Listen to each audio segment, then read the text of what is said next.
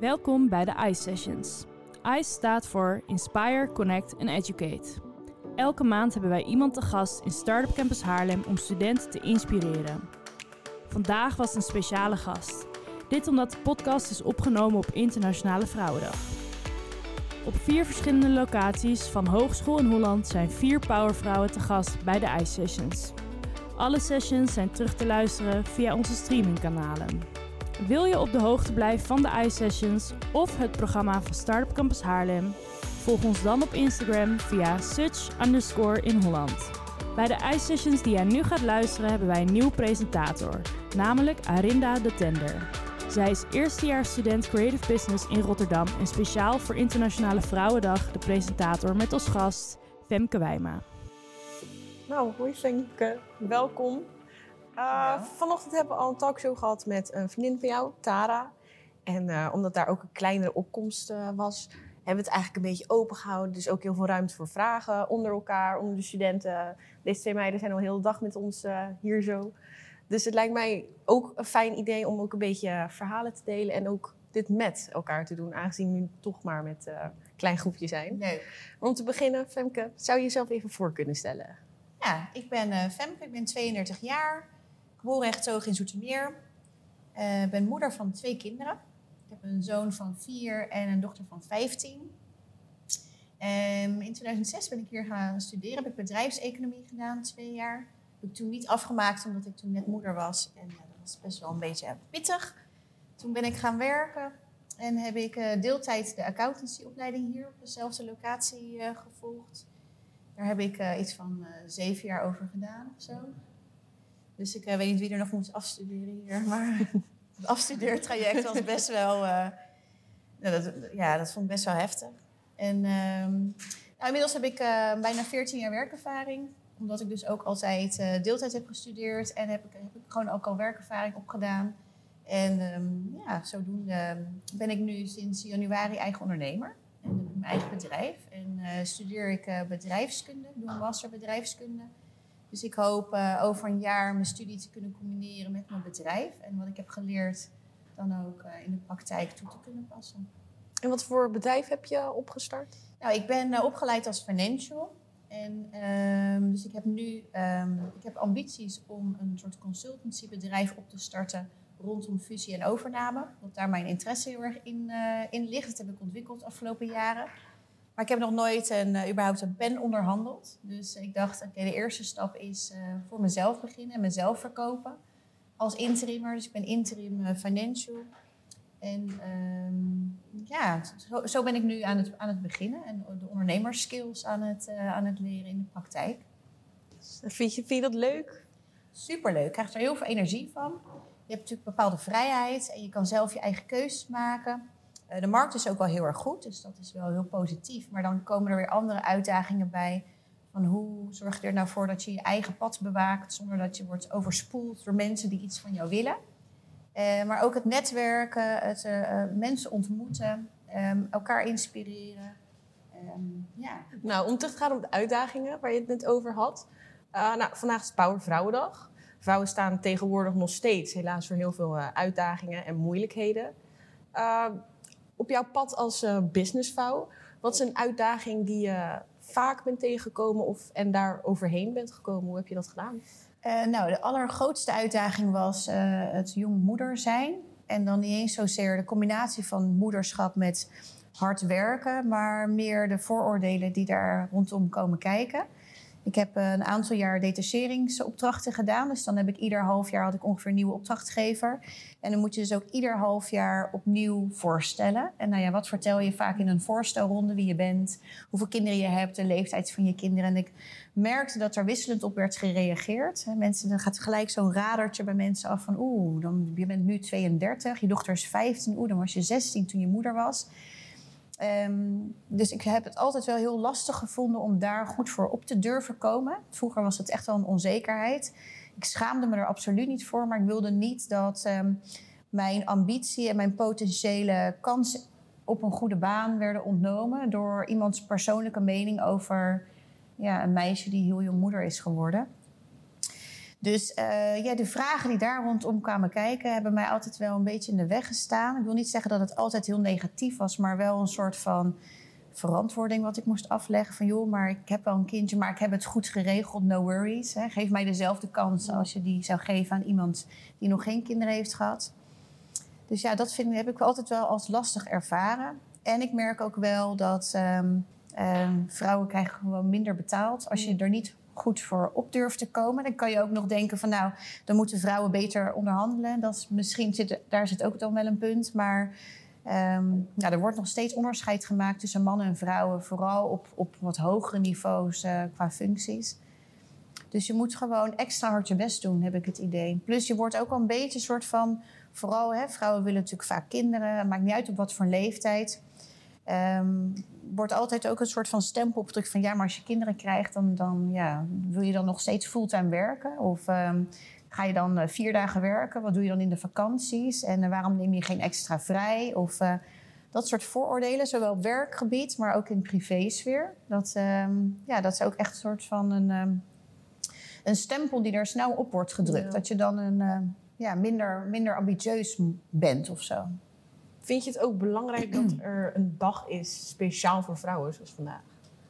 Hoe voel je je daarbij? Ja, nou, vind ik echt hartstikke goed. Wat ik het allerleukst vind aan zo'n dag van vandaag is um, dat andere vrouwen worden geïnspireerd. Hè? Misschien vrouwen die zich wat onzekerder voelen door dat, het feit dat je een vrouw bent en kinderen wilt. Of uh, moet opboksen tegen mannen die uh, wel altijd fulltime standaard zullen werken. Of uh, vind ik het denk ik echt wel heel goed dat vrouwen worden geïnspireerd door andere vrouwen. Dat vind ik echt heel mooi. Um, maar het, aan de andere kant is het ook weer jammer dat het nodig is. Ja, nee eens. En merk jij ook, want er is natuurlijk, zoals je al zei, nog steeds heel veel verschil tussen mannen en vrouwen, zeker met het werk. Uh, volgens mij zei uh, onze directrice vanochtend nog dat er nog steeds 14% van de vrouwen dezelfde, voor dezelfde baan minder betaald krijgen ja. dan mannen. Dat is natuurlijk heel schokkend om te horen. Merk jij dat ook uh, in je persoonlijke ervaring, op je, ja, je business natuurlijk, werk en zo? Krijg je daarmee te maken? Um, nou, buiten dat ik het wel in de topposities wel zie gebeuren, um, heb ik ja, jarenlang uh, interim opdrachten gedaan via een detacheringsbureau. En daar werkt het denk ik toch net iets anders, omdat ik het product ben wat ze verkopen. Wordt er veel meer naar, oké, wat kun je opbrengen en wat kunnen wij dan aan jou betalen? En dus in die zin heb ik daar denk ik minder uh, mee te maken gehad. Maar alsnog moet je als vrouw wel gewoon jezelf extra durven te verkopen. Dat zijn misschien dan de vrouwelijke kwaliteiten die dan in zo'n onderhandelingsproces tegen je werken. Omdat je wat gevoeliger bent of misschien wat onzekerder uh, dan een man die gewoon keihard in een onderhandeling stapt. Dus ik denk dat, ja, dat als er dus vanuit de werkgever niet extra aandacht aan wordt besteed om dat allemaal gelijk te houden, dat er wel op die manier verschillen kunnen ontstaan. Blijven ontstaan ook. Ja. En, en heb jij, natuurlijk, het is een actueel onderwerp. Er, ik denk dat alle vrouwen daar wel eens over nadenken. Hoe kan dat anders? Hoe kunnen wij, hoe kunnen wij dit? Want wij zijn dan mede ook een beetje deel van het probleem, omdat wij het toelaten. Hoe, wat is de oplossing? Heb jij er een visie um, in? Ik denk dat een oplossing zit in het vooral uh, creëren van kansen voor vrouwen, maar ook de um, vrouwen dezelfde mogelijkheden geven. Um, weer gekoppeld aan kinderen krijgen. Vrouwen zijn nou eenmaal de partij die, die het kind mm. moet, moet baren en die er langer thuis voor moet blijven. Um, ik denk als er vanuit de overheid voldoende maatregelen of, of, rekening mee wordt gehouden dat vrouwen op een bepaalde manier wel de gelijke kansen kunnen krijgen. Um, ja, en ik denk dat het vooral belangrijk is om als vrouwen onderling elkaar te blijven inspireren en um, er voor elkaar te zijn. In plaats van. Ik hoor ook wel eens, die ervaring heb ik niet per se, maar ik hoor ook wel eens dat vrouwen elkaar ook juist het minste gunnen ja. van allemaal. Dat vind ik ook wel echt heel jammer. Ja, ik heb daar persoonlijk niet heel erg veel ervaring mee, maar um, ja, ik denk dat als we voor elkaar opkomen en elkaar kansen geven of. Um, bijvoorbeeld Tara, die dan hier ook uh, vanmorgen was, nou, die heeft een bedrijf. Volgens mij werken er alleen maar vrouwen. En dat vind ik super tof. Ja, dat is inderdaad En die, die kunnen hetzelfde kunstje als dat mannen kunnen. Misschien nog wel beter, omdat ze veel meer inlevingsvermogen hebben. Maar ik denk dat, um, ja, dat je als vrouw best wel wat meer gezien mag worden. Ja, daar ben ik mee eens. Ik denk dat alle vrouwen hier dat wel hebben. Een beetje dat van, uh, nou, ik ben hier ook. Vrouwen krijgen ook heel vaak, zei Stara vanochtend ook, van heel erg snel naar hen geschoten van, ja, je bent een beetje te veel. Dat, uh, maak je dat ook mee in je werk? Dat mensen zeggen van, oh, jij bent zo zelfstandig dat het te veel is oh, voor nee. mannen misschien Oh ja. ja, als vrouw doe je het eigenlijk nooit goed inderdaad. Nee, dus als je daar dan wel staat en je bent een sterke vrouw die, um, die bijvoorbeeld een eigen bedrijf heeft of ambitie heeft of studeert, dan um, is er, er ligt heel snel vergrootglas op. Dus ik kan me best wel vinden in wat ze dan zegt. Hè? Je bent snel te veel. Vanuit het perspectief dat je er eigenlijk niet hoort of zo. Dat je je hoort een kind te maken of parttime te werken of um, niet dezelfde capaciteiten te hebben als ondernemer. Uh, dat hoort niet. Dat is, hè, dat is een beetje het beeld wat heerst. Dus vanuit dat beeld snap ik dat, uh, ja, dat je het eigenlijk nooit goed kan doen. Maar misschien kunnen we het zelfs nog wel beter. Daar, daar ben ik ook van overtuigd. Maar en heb jij ook een, uh, iemand waar je naar opkijkt? Eigenlijk in uh, het avontuur wat jij hebt meegemaakt, jongmoeder zijn, uh, businesswoman worden, heb je iemand gehad waarvan je altijd dacht van dat is een beetje mijn steun? Uh, bedoel je dan specifiek een vrouw of gewoon algemeen? iemand om je heen in het algemeen. Ik heb niet per se um, één vaste persoon gehad. Maar wat ik altijd doe, en dat vind ik ook echt wel een soort, um, een soort geheimpje... is ik zorg altijd dat ik heel dicht bij iemand kom te werken... die heel inspirerend is. Dus vooral omdat ik wisselende opdrachten heb... Dan uh, heb ik niet per se echt één iemand waar ik dan uh, jarenlang voor werk die mij inspireert. Maar ik zorg altijd dat ik heel dicht bij zo'n persoon wel kom te werken. Dat ik daar heel veel in investeer. Dat ik verbinding maak met zo iemand. Dat ik me ook openstel daarvoor. Me kwetsbaar durf op te stellen naar zo iemand. Um, om diegene op mijn manier ook weer te kunnen inspireren. En ja, ik heb natuurlijk een dochter uh, waar, die, wat mijn allergrootste drijfveer is in alles wat ik doe. En ja, zij is een, ook een vrouw en uh, uh, nu een jonge vrouw, maar zij, zij is mijn grootste inspiratiebron. Ja, zeker. Dus dat is van bottom-up, is dat eigenlijk in plaats van een heel groot, machtig persoon. En hoe heb je dat vroeger gedaan, toen je nog jong was, als tienermoeder? Hoe heb je toch het weten te combineren met ja, eigenlijk je, je carrière om dat op te bouwen? Uh, het gewoon doen en heel hard werken. Ik, ging, ik was op een gegeven moment, nou ja, 17. Toen had ik mijn allereerste woning. Toen studeerde ik dus hier in Rotterdam en ik woonde in Zoetermeer. Ik had nog geen rijbewijs, dus ik ging op de fiets ging ik naar het treinstation met mijn fiets in de trein, kind achterop, buggy eraan. Uh, en ik moest om half negen dan hier in Rotterdam zijn. Dus dat proces begon om half zeven dat ik de deur uitging. Kind had soms, soms nog niet eens een eerste fles gehad. Huilen, heel vaak gehuild, omdat ik me schuldig voelde. Maar ik dacht, ik moet voor haar een goede toekomst creëren. En dat kan ik alleen maar doen door te beginnen bij mezelf. Er zit een klein stukje egoïsme wat je dan voor jezelf, waar je voor moet durven opkomen. Ik bedoel, uh, um, studeren, dat, dat vergt tijd. Dus dat is dan tijd die je niet kan besteden aan, aan de opvoeding. Uh, of, um, um, dus ik, ja, ik kon niet altijd met haar naar de speeltuin, want dan moest ik studeren. Of, dus dat was wel even bikkelen. Maar ja, gewoon heel hard werken en altijd een, een doel voor ogen. En dat doel werd dan gecreëerd in deze door mijn dochter. En dat, dat doet ze nog steeds eigenlijk. En ik, ze wordt nu een jonge, is nu een jonge vrouw. En uh, dus ik zeg altijd, tot een jaar of twaalf is opvoeden, ben ik daar heel goed in. En, en de combinatie, je kan iemand, je hebt een, een kind dat naar jou luistert of naar jou hoort te luisteren. En vanaf een jaar of twaalf dan krijg je eigenlijk iedere dag een soort spiegel voorgehouden door iemand die puberhormonen ontwikkelt. Mm. En dus dan wil je het eigenlijk nog extra goed doen. Dus ik denk dat ik heel goed ben geslaagd om voor haar een inspiratiebron te zijn. En um, ja, gewoon hard werken en het gewoon doen. En ik zeg heel eerlijk, bij mij thuis loopt echt niet alles op rolletjes. Als in uh, ik uh, vis regelmatig mijn sokken uit de wasmand bij elkaar of zo. Dus niet dat dat iedere dag netjes... Uh, ik denk dat we dat allemaal wel doen. In de la ligt, ja. dus mensen denken ook altijd dat ik heel goed ben in plannen. En um, dat alles echt spik en span loopt rondom het werk. Maar als ik in de file sta nadat ik tot half zes heb gewerkt... nu in Hilversum, ja, dan ben ik half zeven thuis. Dan heb ik niet de dag ervoor gekookt. Wat sommige moeders wel heel netjes doen, ik niet. Dus... Um, ja, dan uh, eten wij om zeven uur, half acht. En dan daarna gaat iedereen naar bed. En uh, ja, dus. Uh, maar ik denk dat ja, je moet gewoon goed je best doen en in jezelf geloven. En dan, dat zijn denk ik hele mooie ingrediënten om, om er wat van te maken. En is het voor jou ook een doel om een inspiratiebron te kunnen blijven voor je dochter? En voor je zoon dan? Ja, ja mijn, klein, mijn kleine is een, inderdaad een jongen. Ehm, nou, dat is niet per se mijn levensdoel, maar het is wel mijn grootste motivatie. Dat is gewoon iets natuurlijks wat ontstaat als je moeder wordt. En ehm, eh, ik wil gewoon dat zij goed terechtkomt. Dat zij de, ehm, ja, dezelfde kansen zou krijgen als, eh, als dat ik twintig jaar later moeder was geworden. Dus ik wil dat als zij wilt studeren, dat ik dat aan haar kan faciliteren. Als zij wilt sporten, dat ik, dat, eh, dat ik haar daarin enthousiast kan maken. Eh, ze doet, eh, staat vandaag toevallig in, in een hoofdrol in een musical-productie. ik wil haar wel blijven inspireren en blijven triggeren om ook ja, zichzelf goed te leren kennen, maar ook om het beste uit zichzelf te halen. Dat vind ik wel echt heel belangrijk. Maar als zij nou gelukkig wordt als vuilnisman of, of advocaat, dat zal me echt niks, niks interesseren. Zolang ze maar eh, dicht bij zichzelf durft te blijven. En eh, zich laat inspireren door mij en door alles wat er om zich heen gebeurt. En dan eh, komt het met haar ook goed. Dat is mooi.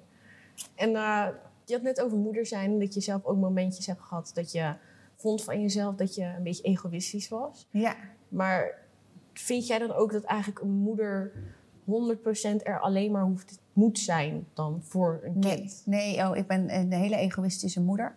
Ik vind juist de combinatie tussen mijn eigen ambitie, mijn eigen hobby's en vrije tijd en het moederschap vind ik gewoon echt goud.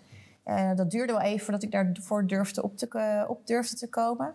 Maar nu, ehm, ja, ik ga ook nog wel eens een avond op stap. Of ik ben eh, in januari nog met een vriendin op vakantie geweest. Ehm, ik vind dat je als moeder juist ook weer heel veel energie kan opdoen door je eigen ding te blijven doen. Ik heb altijd, altijd hobby's gehad, ik heb altijd gesport.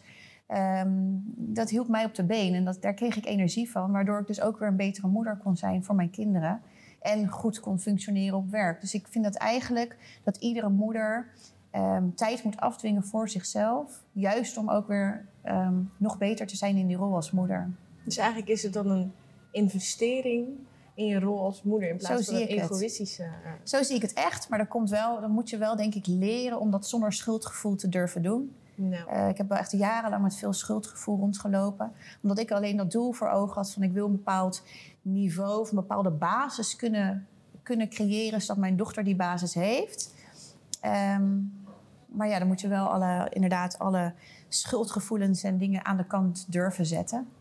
En voelde je je dan snel schuldig over kleine dingen ook? Ehm, nee, ik denk gewoon meer, eh, je gaat dan zelf vergelijkingen maken tussen jezelf en wel de, ik noem dat altijd de schoolpleinmoeders. Niks te Ja. nadelen van moeders die, tot, eh, die dan zomaar een half uur lang in de ochtend, iedere ochtend op het schoolplein staan te kletsen. Niks te nadelen naar hun, maar ehm, ja, ik ging mezelf daarmee vergelijken van oeh, dat, zijn, dat is hoe het hoort. En ik ben niet hoe het hoort. En, ehm, maar nu weet ik, dit is mijn kracht. Ik ben niet hoe het hoort. En ik wil dat ook helemaal niet zijn. En eh, ik ben er juist hartstikke trots op. En mijn dochter is er ook heel erg trots op. Dus dat is ook niet meer mijn ambitie. Maar ja, als je jongmoeder bent, of überhaupt, al, ben je dertig en je bent voor het eerst moeder, dan, eh, ja, dan krijg je gewoon sowieso te maken met verwachtingen vanuit de maatschappij. En ehm, eh, dan moet je je eigen weg in durven te vinden. En hoe lang heeft het voor jou gekost om die kracht eigenlijk uit jezelf te halen? Om echt daarachter te durven staan. Ja. Denk wel heel erg lang. Ik denk eigenlijk pas eh, vorig jaar. Toen eh, heb- ben ik samen met, eh, met Tara een campagne gestart rondom tienermoederschap. Om het stigma rondom tienermoeders ehm, ja, tegen te strijden. Ik denk dat ik toen pas echt dacht: oké, nu moet ik oud in die open optreden voordat ik eh, ehm, jongmoeder ben geworden. En dat dat juist een ik wil het niet stimuleren, maar dat het juist heel erg krachtig kan zijn. Eh, in plaats van een, ehm, nou ja, alle voordelen die daarover eh, worden geroepen. Ehm, pas toen ik Oud in die Open daar vooral mijn zakelijke netwerk over durfde te spreken, toen pas heb ik dat eigenlijk durven te accepteren. Dat, ehm, dat het mijn kracht is en niet, en niet een stempel die ik opgedrukt krijg in een negatieve zin. En heb je ook uit onverwachte hoeken dan toch nog na die ja, openbaring eh, support kunnen vinden? Ehm, nou, ik kreeg eigenlijk heel veel support. Ja, Wat ik wel eh, opmerkelijk vond is, um, mensen vinden mij altijd eh, interessant en leuk. En omdat ze zien dat ik mijn best doe en dat ik positief in het leven sta en dat ik heel veel tijd besteed aan mijn ontwikkelingen, studie en, en werk en de kinderen, vinden ze me altijd heel, een heel fijn en, en inspirerend persoon. Um, ondanks juist ook omdat ik zo jong moeder ben geworden, dan hè, vinden ze dat, uh, ja, daar hebben ze heel veel respect voor. Alleen om je eraan te conformeren, we hebben een campagne dan uitgedragen en best wel wat mensen benaderd die ook een bepaalde, bepaald bereik hebben op social media. Van joh, wil je meedoen? Wil jij je hard maken om tegen het stigma uh, uh, op te treden? Dat eigenlijk niemand dat durft. Niemand wil zich daaraan conformeren. Dus ik heb eigenlijk heel veel door, hè, door ervoor op te komen, heel veel positieve reacties gehad vanuit mijn directe omgeving en mijn zakelijke netwerk. Maar mensen willen zich er toch liever niet echt over uitspreken. En zou je ook iets kunnen bedenken over waarom dat dan zou zijn? Ja, doordat het stigma uh, op tienermoeders zo in de maatschappij zit ingebakken. Uh, ik denk als je aan iemand vraagt, hoe, hoe zie jij een tienermoeder? Wat, uh, wat, waar denk je aan als je denkt aan een tienermoeder? Dat dan de beelden van vier handen op één buik, ik weet niet of je die, ja. uh, die serie kent. dat dat soort beelden worden opgeroepen. En niet uh, krachtige vrouwen die ondanks ongelukjes of ja, ervoor durfden te kiezen om je kindje dan op te voeden. Dat dat als iets negatiefs wordt gezien en niet positief. En dan ja, willen ze zich daar gewoon niet aan, ehm, aan verbinden. Want ja, dat roept toch een bepaald ehm, stigma op, een bepaalde, ja, bepaalde negativiteit. Of, ja. Vind je ook dat er dan meer hulp vanuit bijvoorbeeld de overheid of uh, ja, uit overheid zou moeten zijn voor tienermoeders? Um, ja, zeker. Bijvoorbeeld denk aan, uh, aan een studiebeurs. Hè. Je kan, uh, krijgt alleen een studiebeurs als je fulltime studeert. Maar ja, een moeder die net een babytje heeft gehad... hoe kan zij studeren fulltime als ze een babytje heeft gehad? Je gaat ook niet... Um, je mag wel parttime werken bijvoorbeeld... maar niet parttime studeren wordt dan, dan weer lastig gemaakt... Of um, uh, uh, mensen vanuit het UWV die dan een, een moeder um, die een, een, uitkering dan heeft. En die zegt van joh, ik wil gaan werken. En, maar ik moet dan wel wat reizen. En ik kan het niet combineren met, met mijn kindje.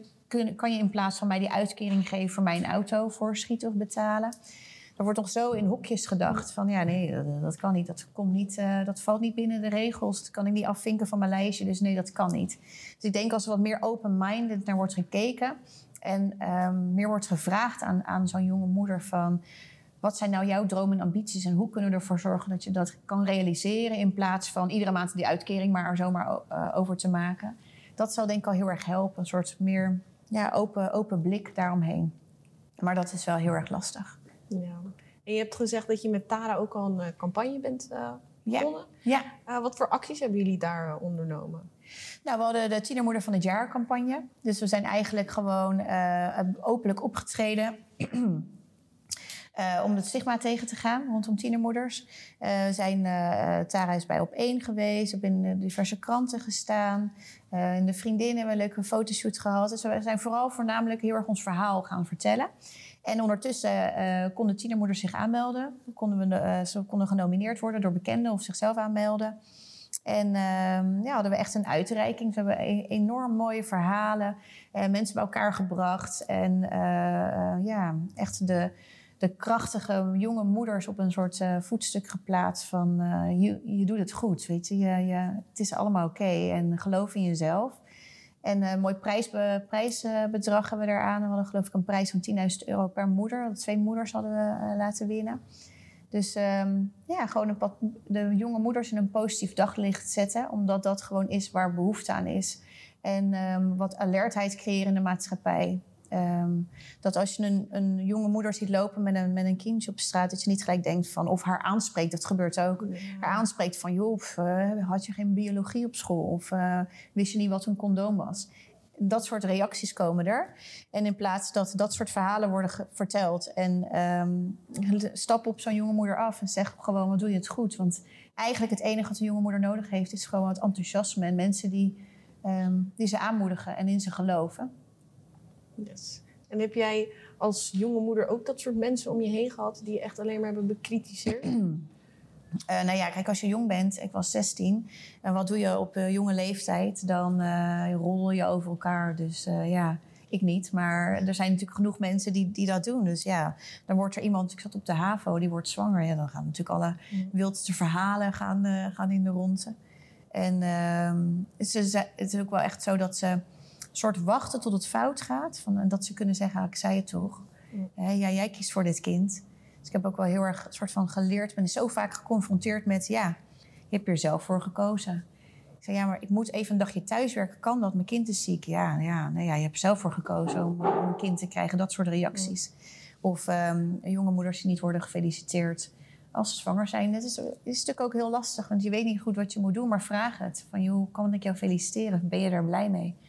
Um, ja, dat is een mooie les om mee te nemen. Want ik heb daar ook nooit... Het is voor mij ook even dat ik over dit soort dingen begin na te denken. Het is niet vanzelfsprekend of zo. En als het niet in je kringen om je heen gebeurt. Dus ik vind het heel mooi dat ook wij van vrouwen van elkaar kunnen leren hiervan. En een beetje meer kennis opdoen daarover. Ja, en ik denk sowieso, uh, als je een vrouw bent en je hebt ambities en uh, je krijgt kinderen.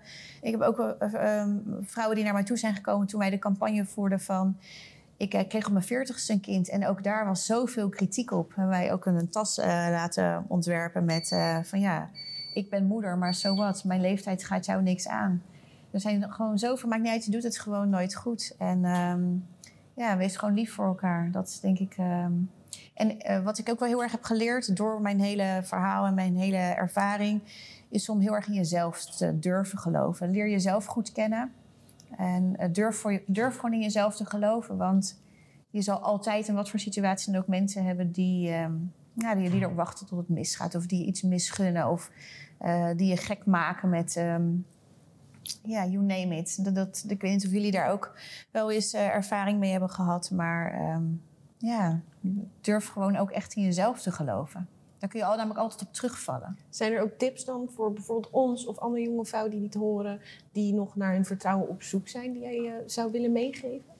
Nou ja, dat. Echt leer, leer jezelf goed kennen. Dan kan niemand jou iets wijsmaken. hoe, of, uh, hoe heb jij jezelf leren kennen? Ja, um, door al heel veel te reflecteren. En um, um, ik heb op een gegeven moment ook een NLP cursus gedaan. Ik weet niet of iemand weet wat dat is, maar dat is een uitleg. Ja, de NLP dat is een, ehm, een, uh, eigenlijk een soort uh, persoonlijke ontwikkelingstraject waarin je dus op zoek gaat naar je eigen overtuigingen. Iedereen wordt gevormd in zijn in zijn jeugd en uh, zal zijn normen en waarden daarop baseren of zijn gedragingen of kwetsbaarheden of onzekerheden die komen voor 90% daar vandaan. En in zo'n traject leer je terug te gaan naar de basis van hé, hey, waarom ervaar ik dit eigenlijk zo? Waarom ben ik onzeker als uh, iemand uh, uh, niet dicht bij mij in de buurt wilt staan? Of waarom laat ik mensen juist te dicht bij mij in de buurt staan? Of um, als iemand smakt, waarom irriteer ik me daar eigenlijk aan? Of dat soort hele, ja, je wordt gewoon zo gevormd en, en dat, waarom irriteer je überhaupt aan mensen? Dat is vaak dan weer een mooie spiegel voor jezelf. Hé, hey, waarom irriteer ik me aan jou? Dat, soort, dat, dat zijn hele praktische uh, um, dingetjes. Maar het is een, een, gewoon een traject waarin je zelf heel goed leert kennen. Je eigen beperkende overtuigingen ook uh, inzichtelijk krijgt. Uh, dat je weet waar je vandaan komt en, en hoe je bent gevormd. En dus ook hoe je er wat aan kan doen als iets je stoort van jezelf. Dus dat ja, en gewoon, ehm, ik sta altijd heel erg open voor feedback. En um, uh, probeer uit iedere situatie een les te leren. Zo sta ik ook echt in het leven. Als er iets gebeurt wat, wat niet fijn is, uh, wat kan ik hieruit leren? Wat, wat, wat zegt dit nou? Wat, wat, wat, heeft het voor een invloed op mij? En uh, hoe kan ik dit volgende keer anders doen? Of ben je gekwetst door iemand? Ja, wat, wat gebeurt er eigenlijk? Heeft dat met jou te maken of zegt dat meer over die andere persoon? Dat soort reflecties, daar ben ik gewoon echt nou, dagelijks mee bezig. En zo leer ik mezelf steeds beter kennen. Ja. En uh, ja, dat eigenlijk. Ik denk ook dat vrouwen, ik weet niet of ik dan nu voor iedereen spreek of alleen voor mezelf, maar heel vaak het gevoel hebben dat het dan aan ons ligt of zo. Of dat er iets ja. verkeerd is gegaan, dat het dan meestal de schuld is van een vrouw, omdat ja. mannen zich zo erg daarbuiten houden. Ja, vrouwen zijn natuurlijk gevoeliger. Dat. En mannen zijn misschien wat sneller, wat dominanter dan een vrouw. Um, dus dat zijn situaties die daardoor heel natuurlijk ontstaan. Zeker, ja.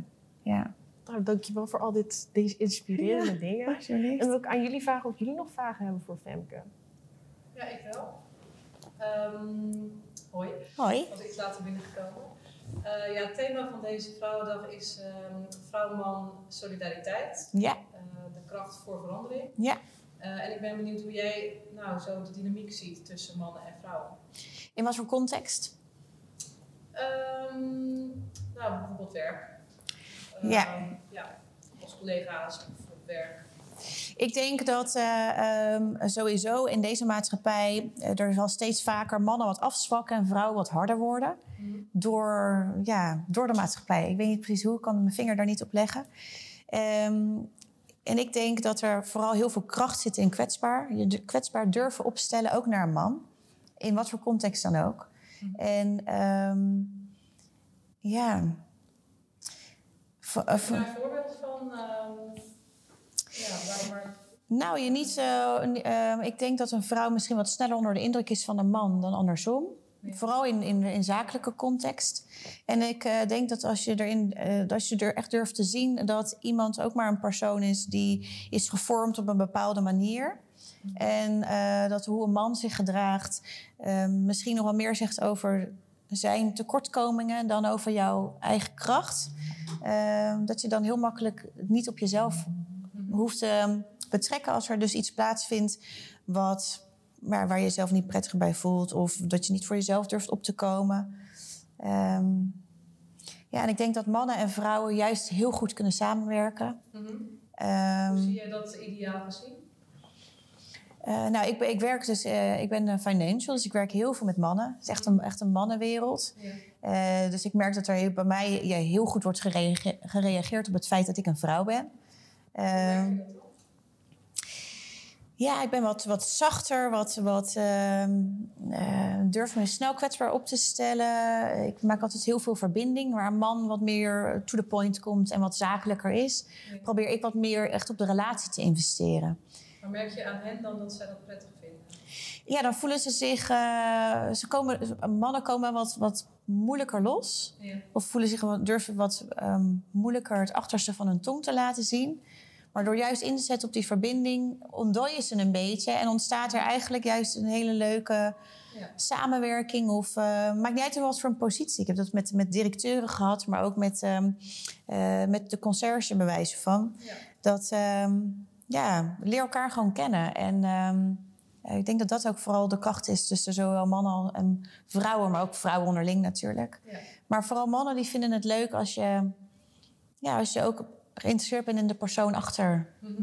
alleen puur die zakelijke relatie. Mhm. En dat doet het werk dus ook goed dan. Absoluut, ja. Ja, dan, dan staan ze wat meer open voor andere inzichten. Mhm. Ja, ja.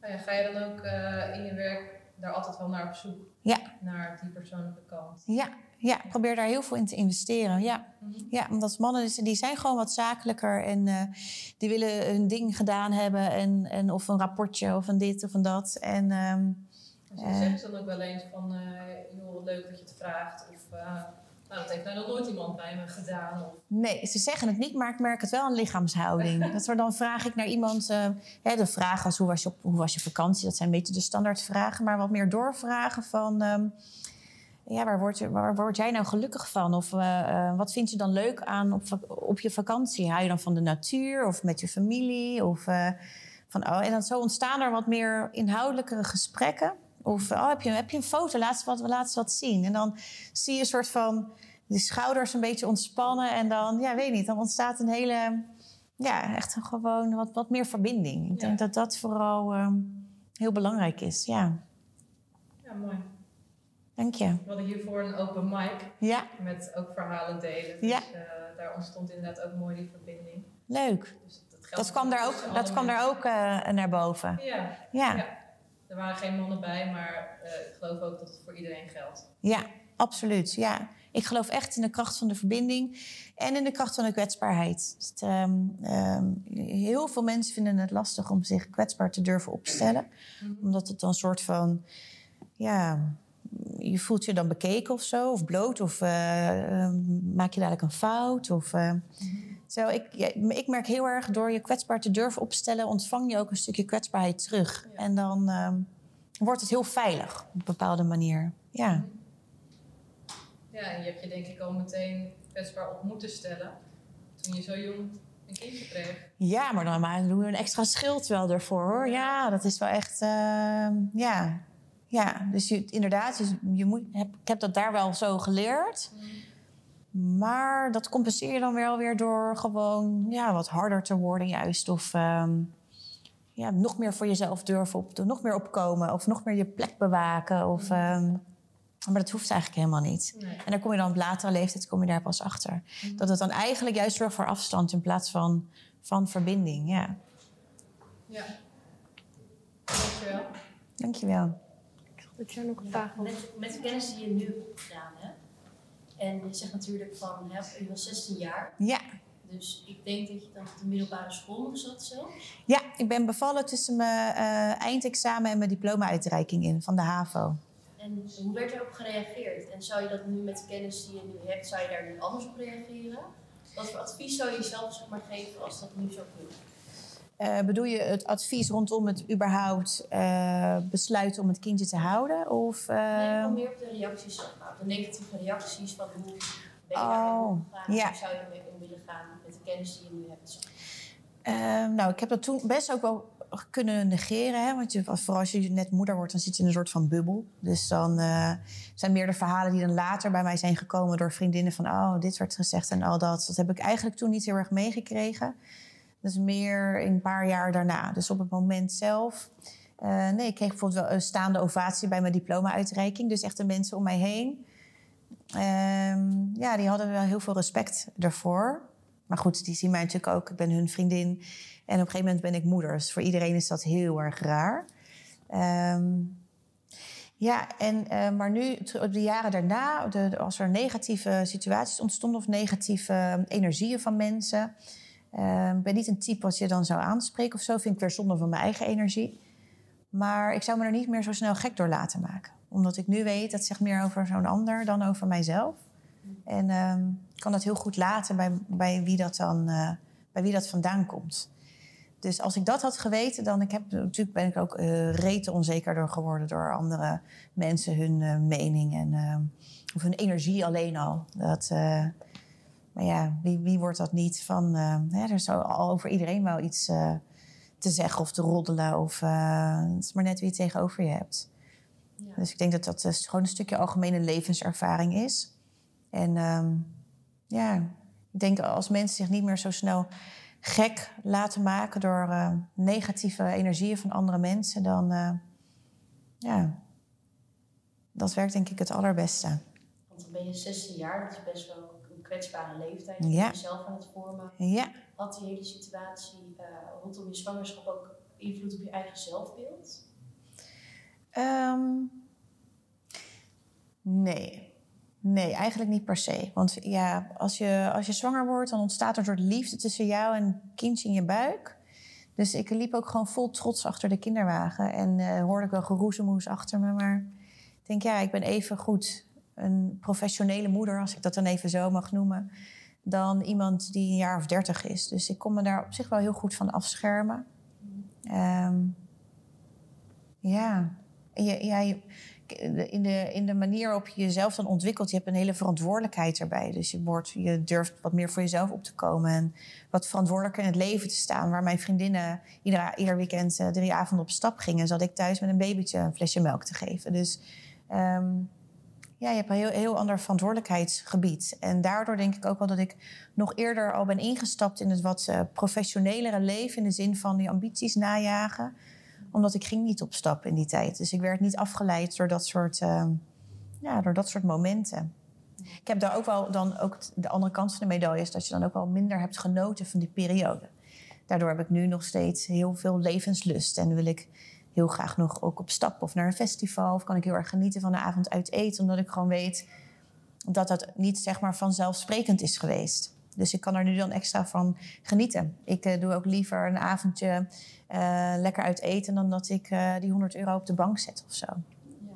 Heb je dan het gevoel dat je dat nu echt moet inhalen? Ehm, nee, niet meer. Heb ik wel eventjes gehad. Ik ben wel even flink losgegaan. Toen mijn dochter wat ouder, net wat ouder was, ben ik echt even flink losgegaan. Vind ik ook heel gezond, maar dat ik dat heb gedaan. En nu ben ik gewoon heel goed in balans.